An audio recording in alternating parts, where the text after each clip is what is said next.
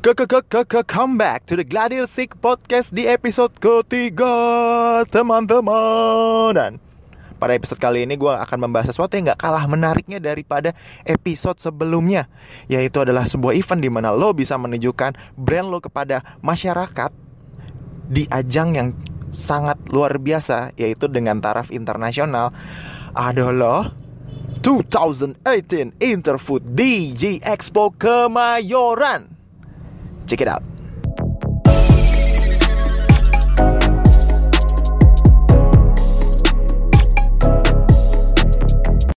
Stay tune nam podcast Glady Resik.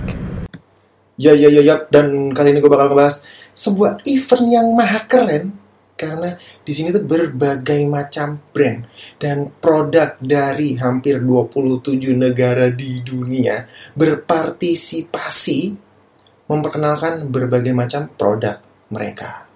Waduh. Sial Interfood 2018 tentu saja dan itu sial Interfood itu apa sih kalau lo dengar kata sial di dalam bahasa Indonesia ya kan? Artinya kan apa ya? Sial tuh nasib buruk. No no no no no no no no no. But sial in here itu adalah singkatan pakai bahasa Perancis gitu. Gua kurang tahu sih juga sih artinya ya. Jadi pokoknya tulisannya gini Salon International de Lamentation or Sial gitulah mudah-mudahan kalau mudah-mudahan nggak salah ya gue nyebutnya. Dan ini adalah the center of global food marketplace gitu. Jadi dia tuh spesialisasinya di food processing industry.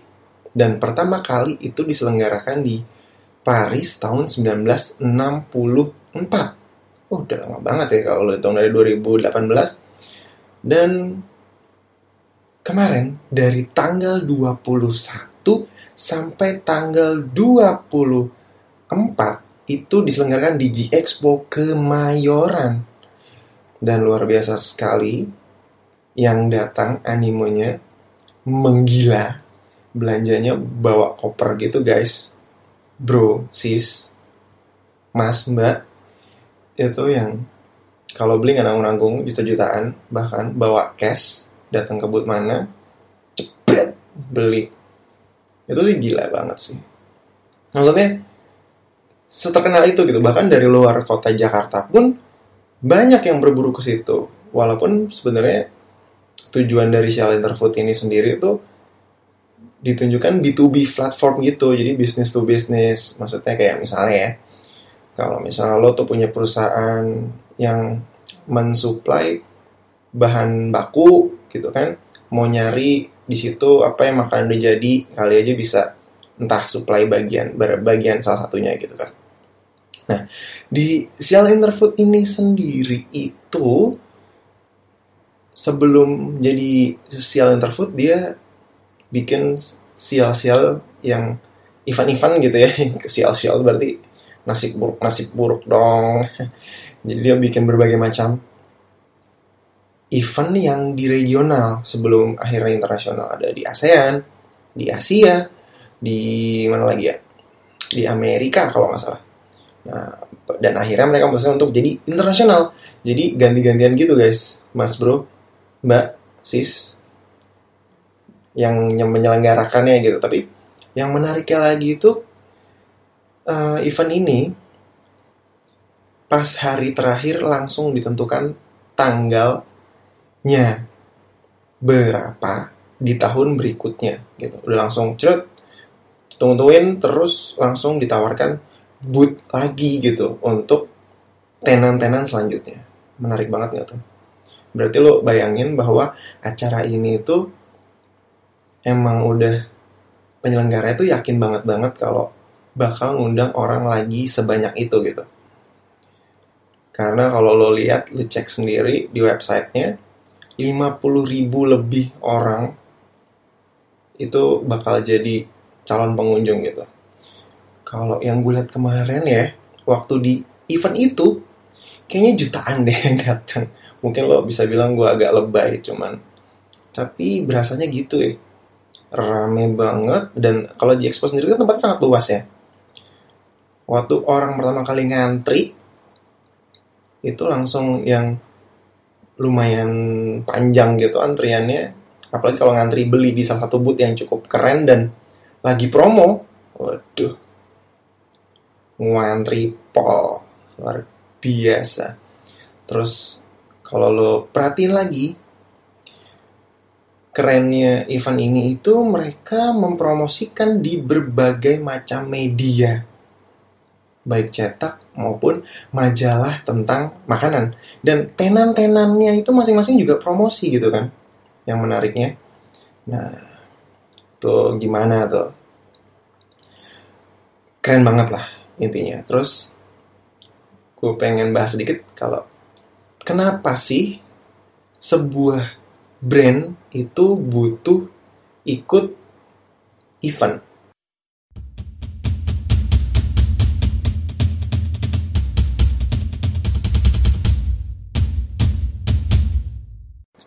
Dan kenapa sih kalau brand itu disarankan untuk ikut event yang besar maupun skala kecil? Buat promosi lah tentu aja gitu loh. Ini buat apa lagi? Tapi bukan itu doang. Bahwa kalau di situ nanti lo bakal dapet berbagai macam masukan dan saran dari orang-orang di situ yang nyoba produk lo. Kemajuan untuk brand lo gitu lo di situ bukan cuma nawarin ke mereka ini gue punya produk beli dan keunggulan produk ini apa. Bukan. It's more than that.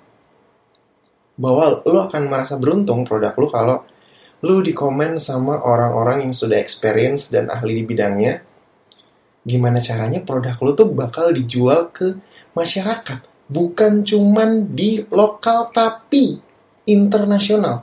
Jadi gue sarankan lo ikut event-event yang memang tarafnya itu internasional. Even lo baru ngeluarin produk itu, ya seminggu, dua minggu, tiga minggu, baru dipromoin di lokal gitu, tapi lo yakin sama produk lo, cobalah gitu. Cobalah ikut ke ajang internasional lumayan gitu kan setengahnya orang di situ yang lewat pengen tahu ini apa sih? Terus bisa dikasih masukan apa tentang produknya? gitu kan. Ini kalau lo dapet kritik dan saran tentang brand lo lo bakal berkembang gitu loh. Itu sih yang menurut gue salah satu yang cukup penting selain lo mengekspos brand lo ke seluruh dunia gitu. Which is itu sangat penting buat produk lo. Tapi juga lo belajar dari situ. Lo ngumpulin orang-orang yang memang menurut lo potensial untuk dijadikan rekan ke depannya gitu di situ. Namanya juga produk, uh, sorry, namanya juga event yang menjunjung, menjunjung, yang apa ya?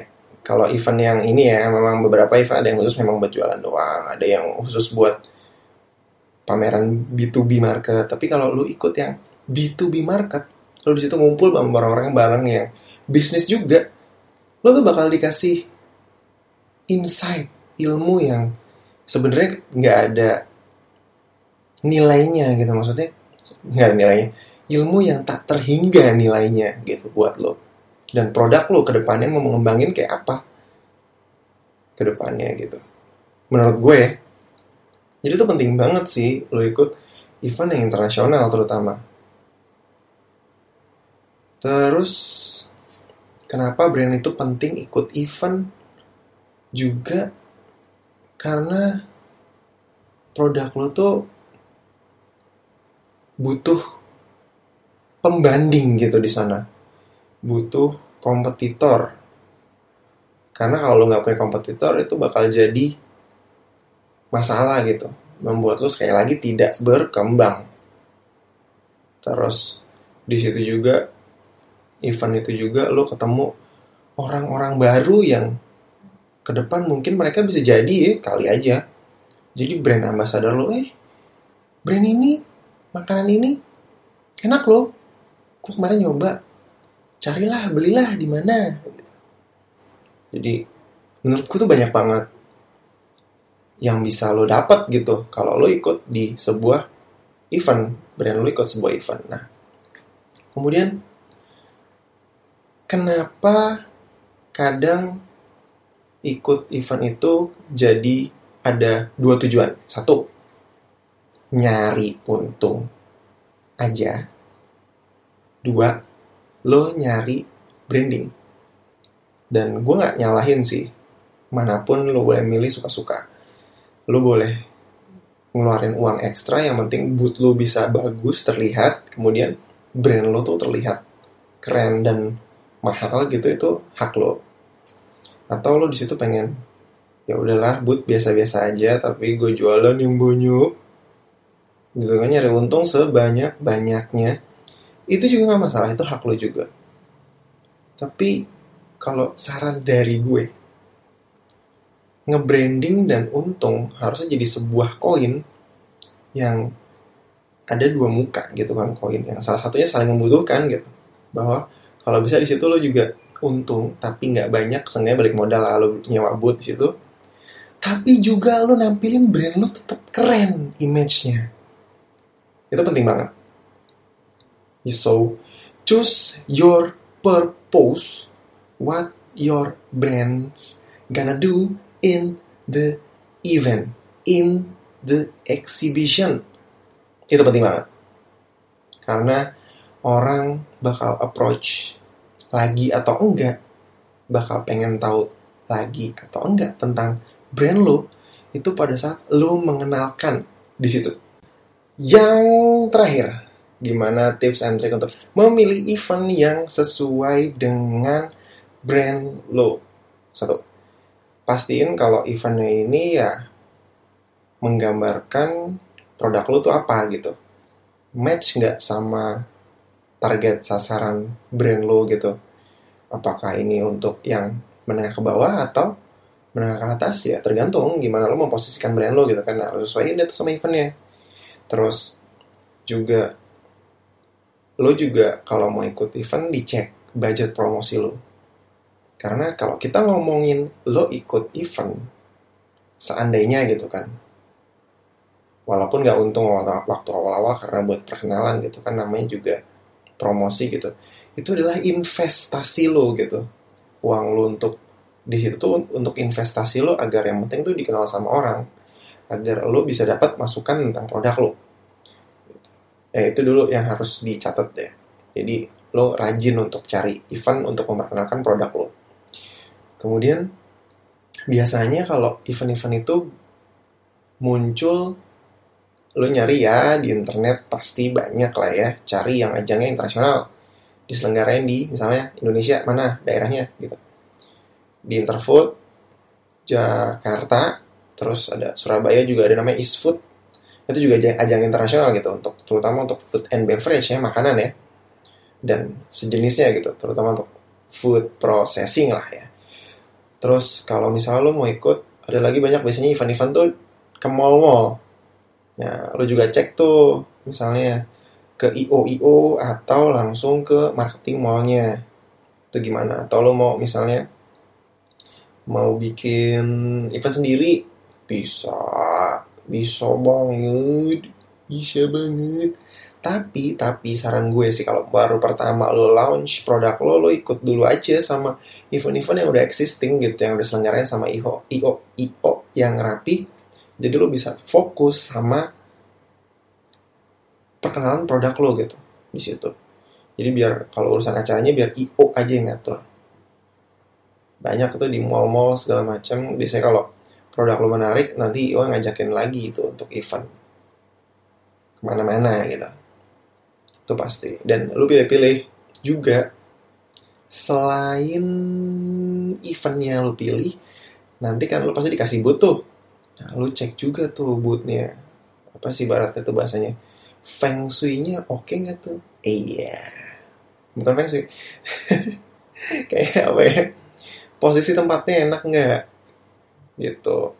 Berpengaruh tuh posisi tempat terus gimana ngadepnya terbuka berapa sisi gitu kan. Nanti juga lo harus perhatiin tuh flow orang lewat di mana gitu. Jadi nggak asal pilih-pilih aja menurut gue.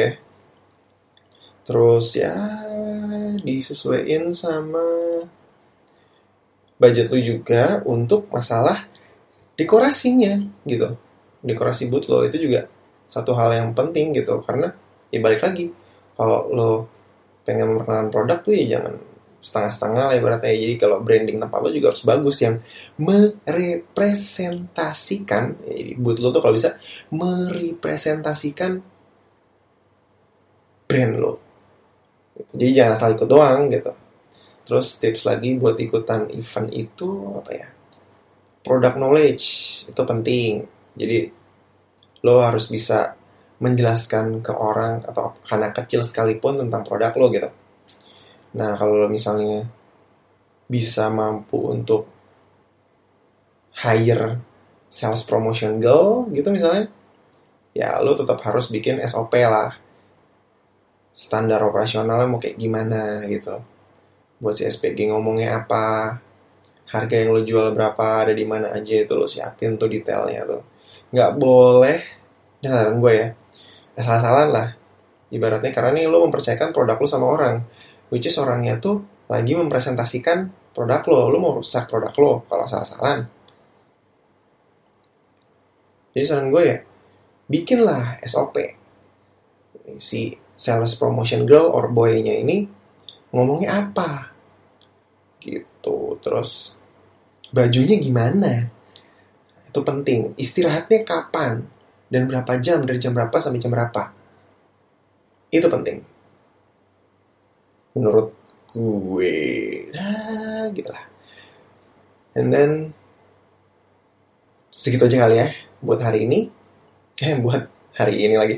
Buat episode kali ini tentang event ajang terbesar makanan di dunia. Waduh, menurut gue Cylinder Vote 2018 yang mudah-mudahan bermanfaat buat kalian dan jangan lupa kritik dan saran kalian gue tunggu email aja ke studio 7 at gmail.com atau lo bisa DM langsung atau mention Instagram Gladiresik Studio. Thank you.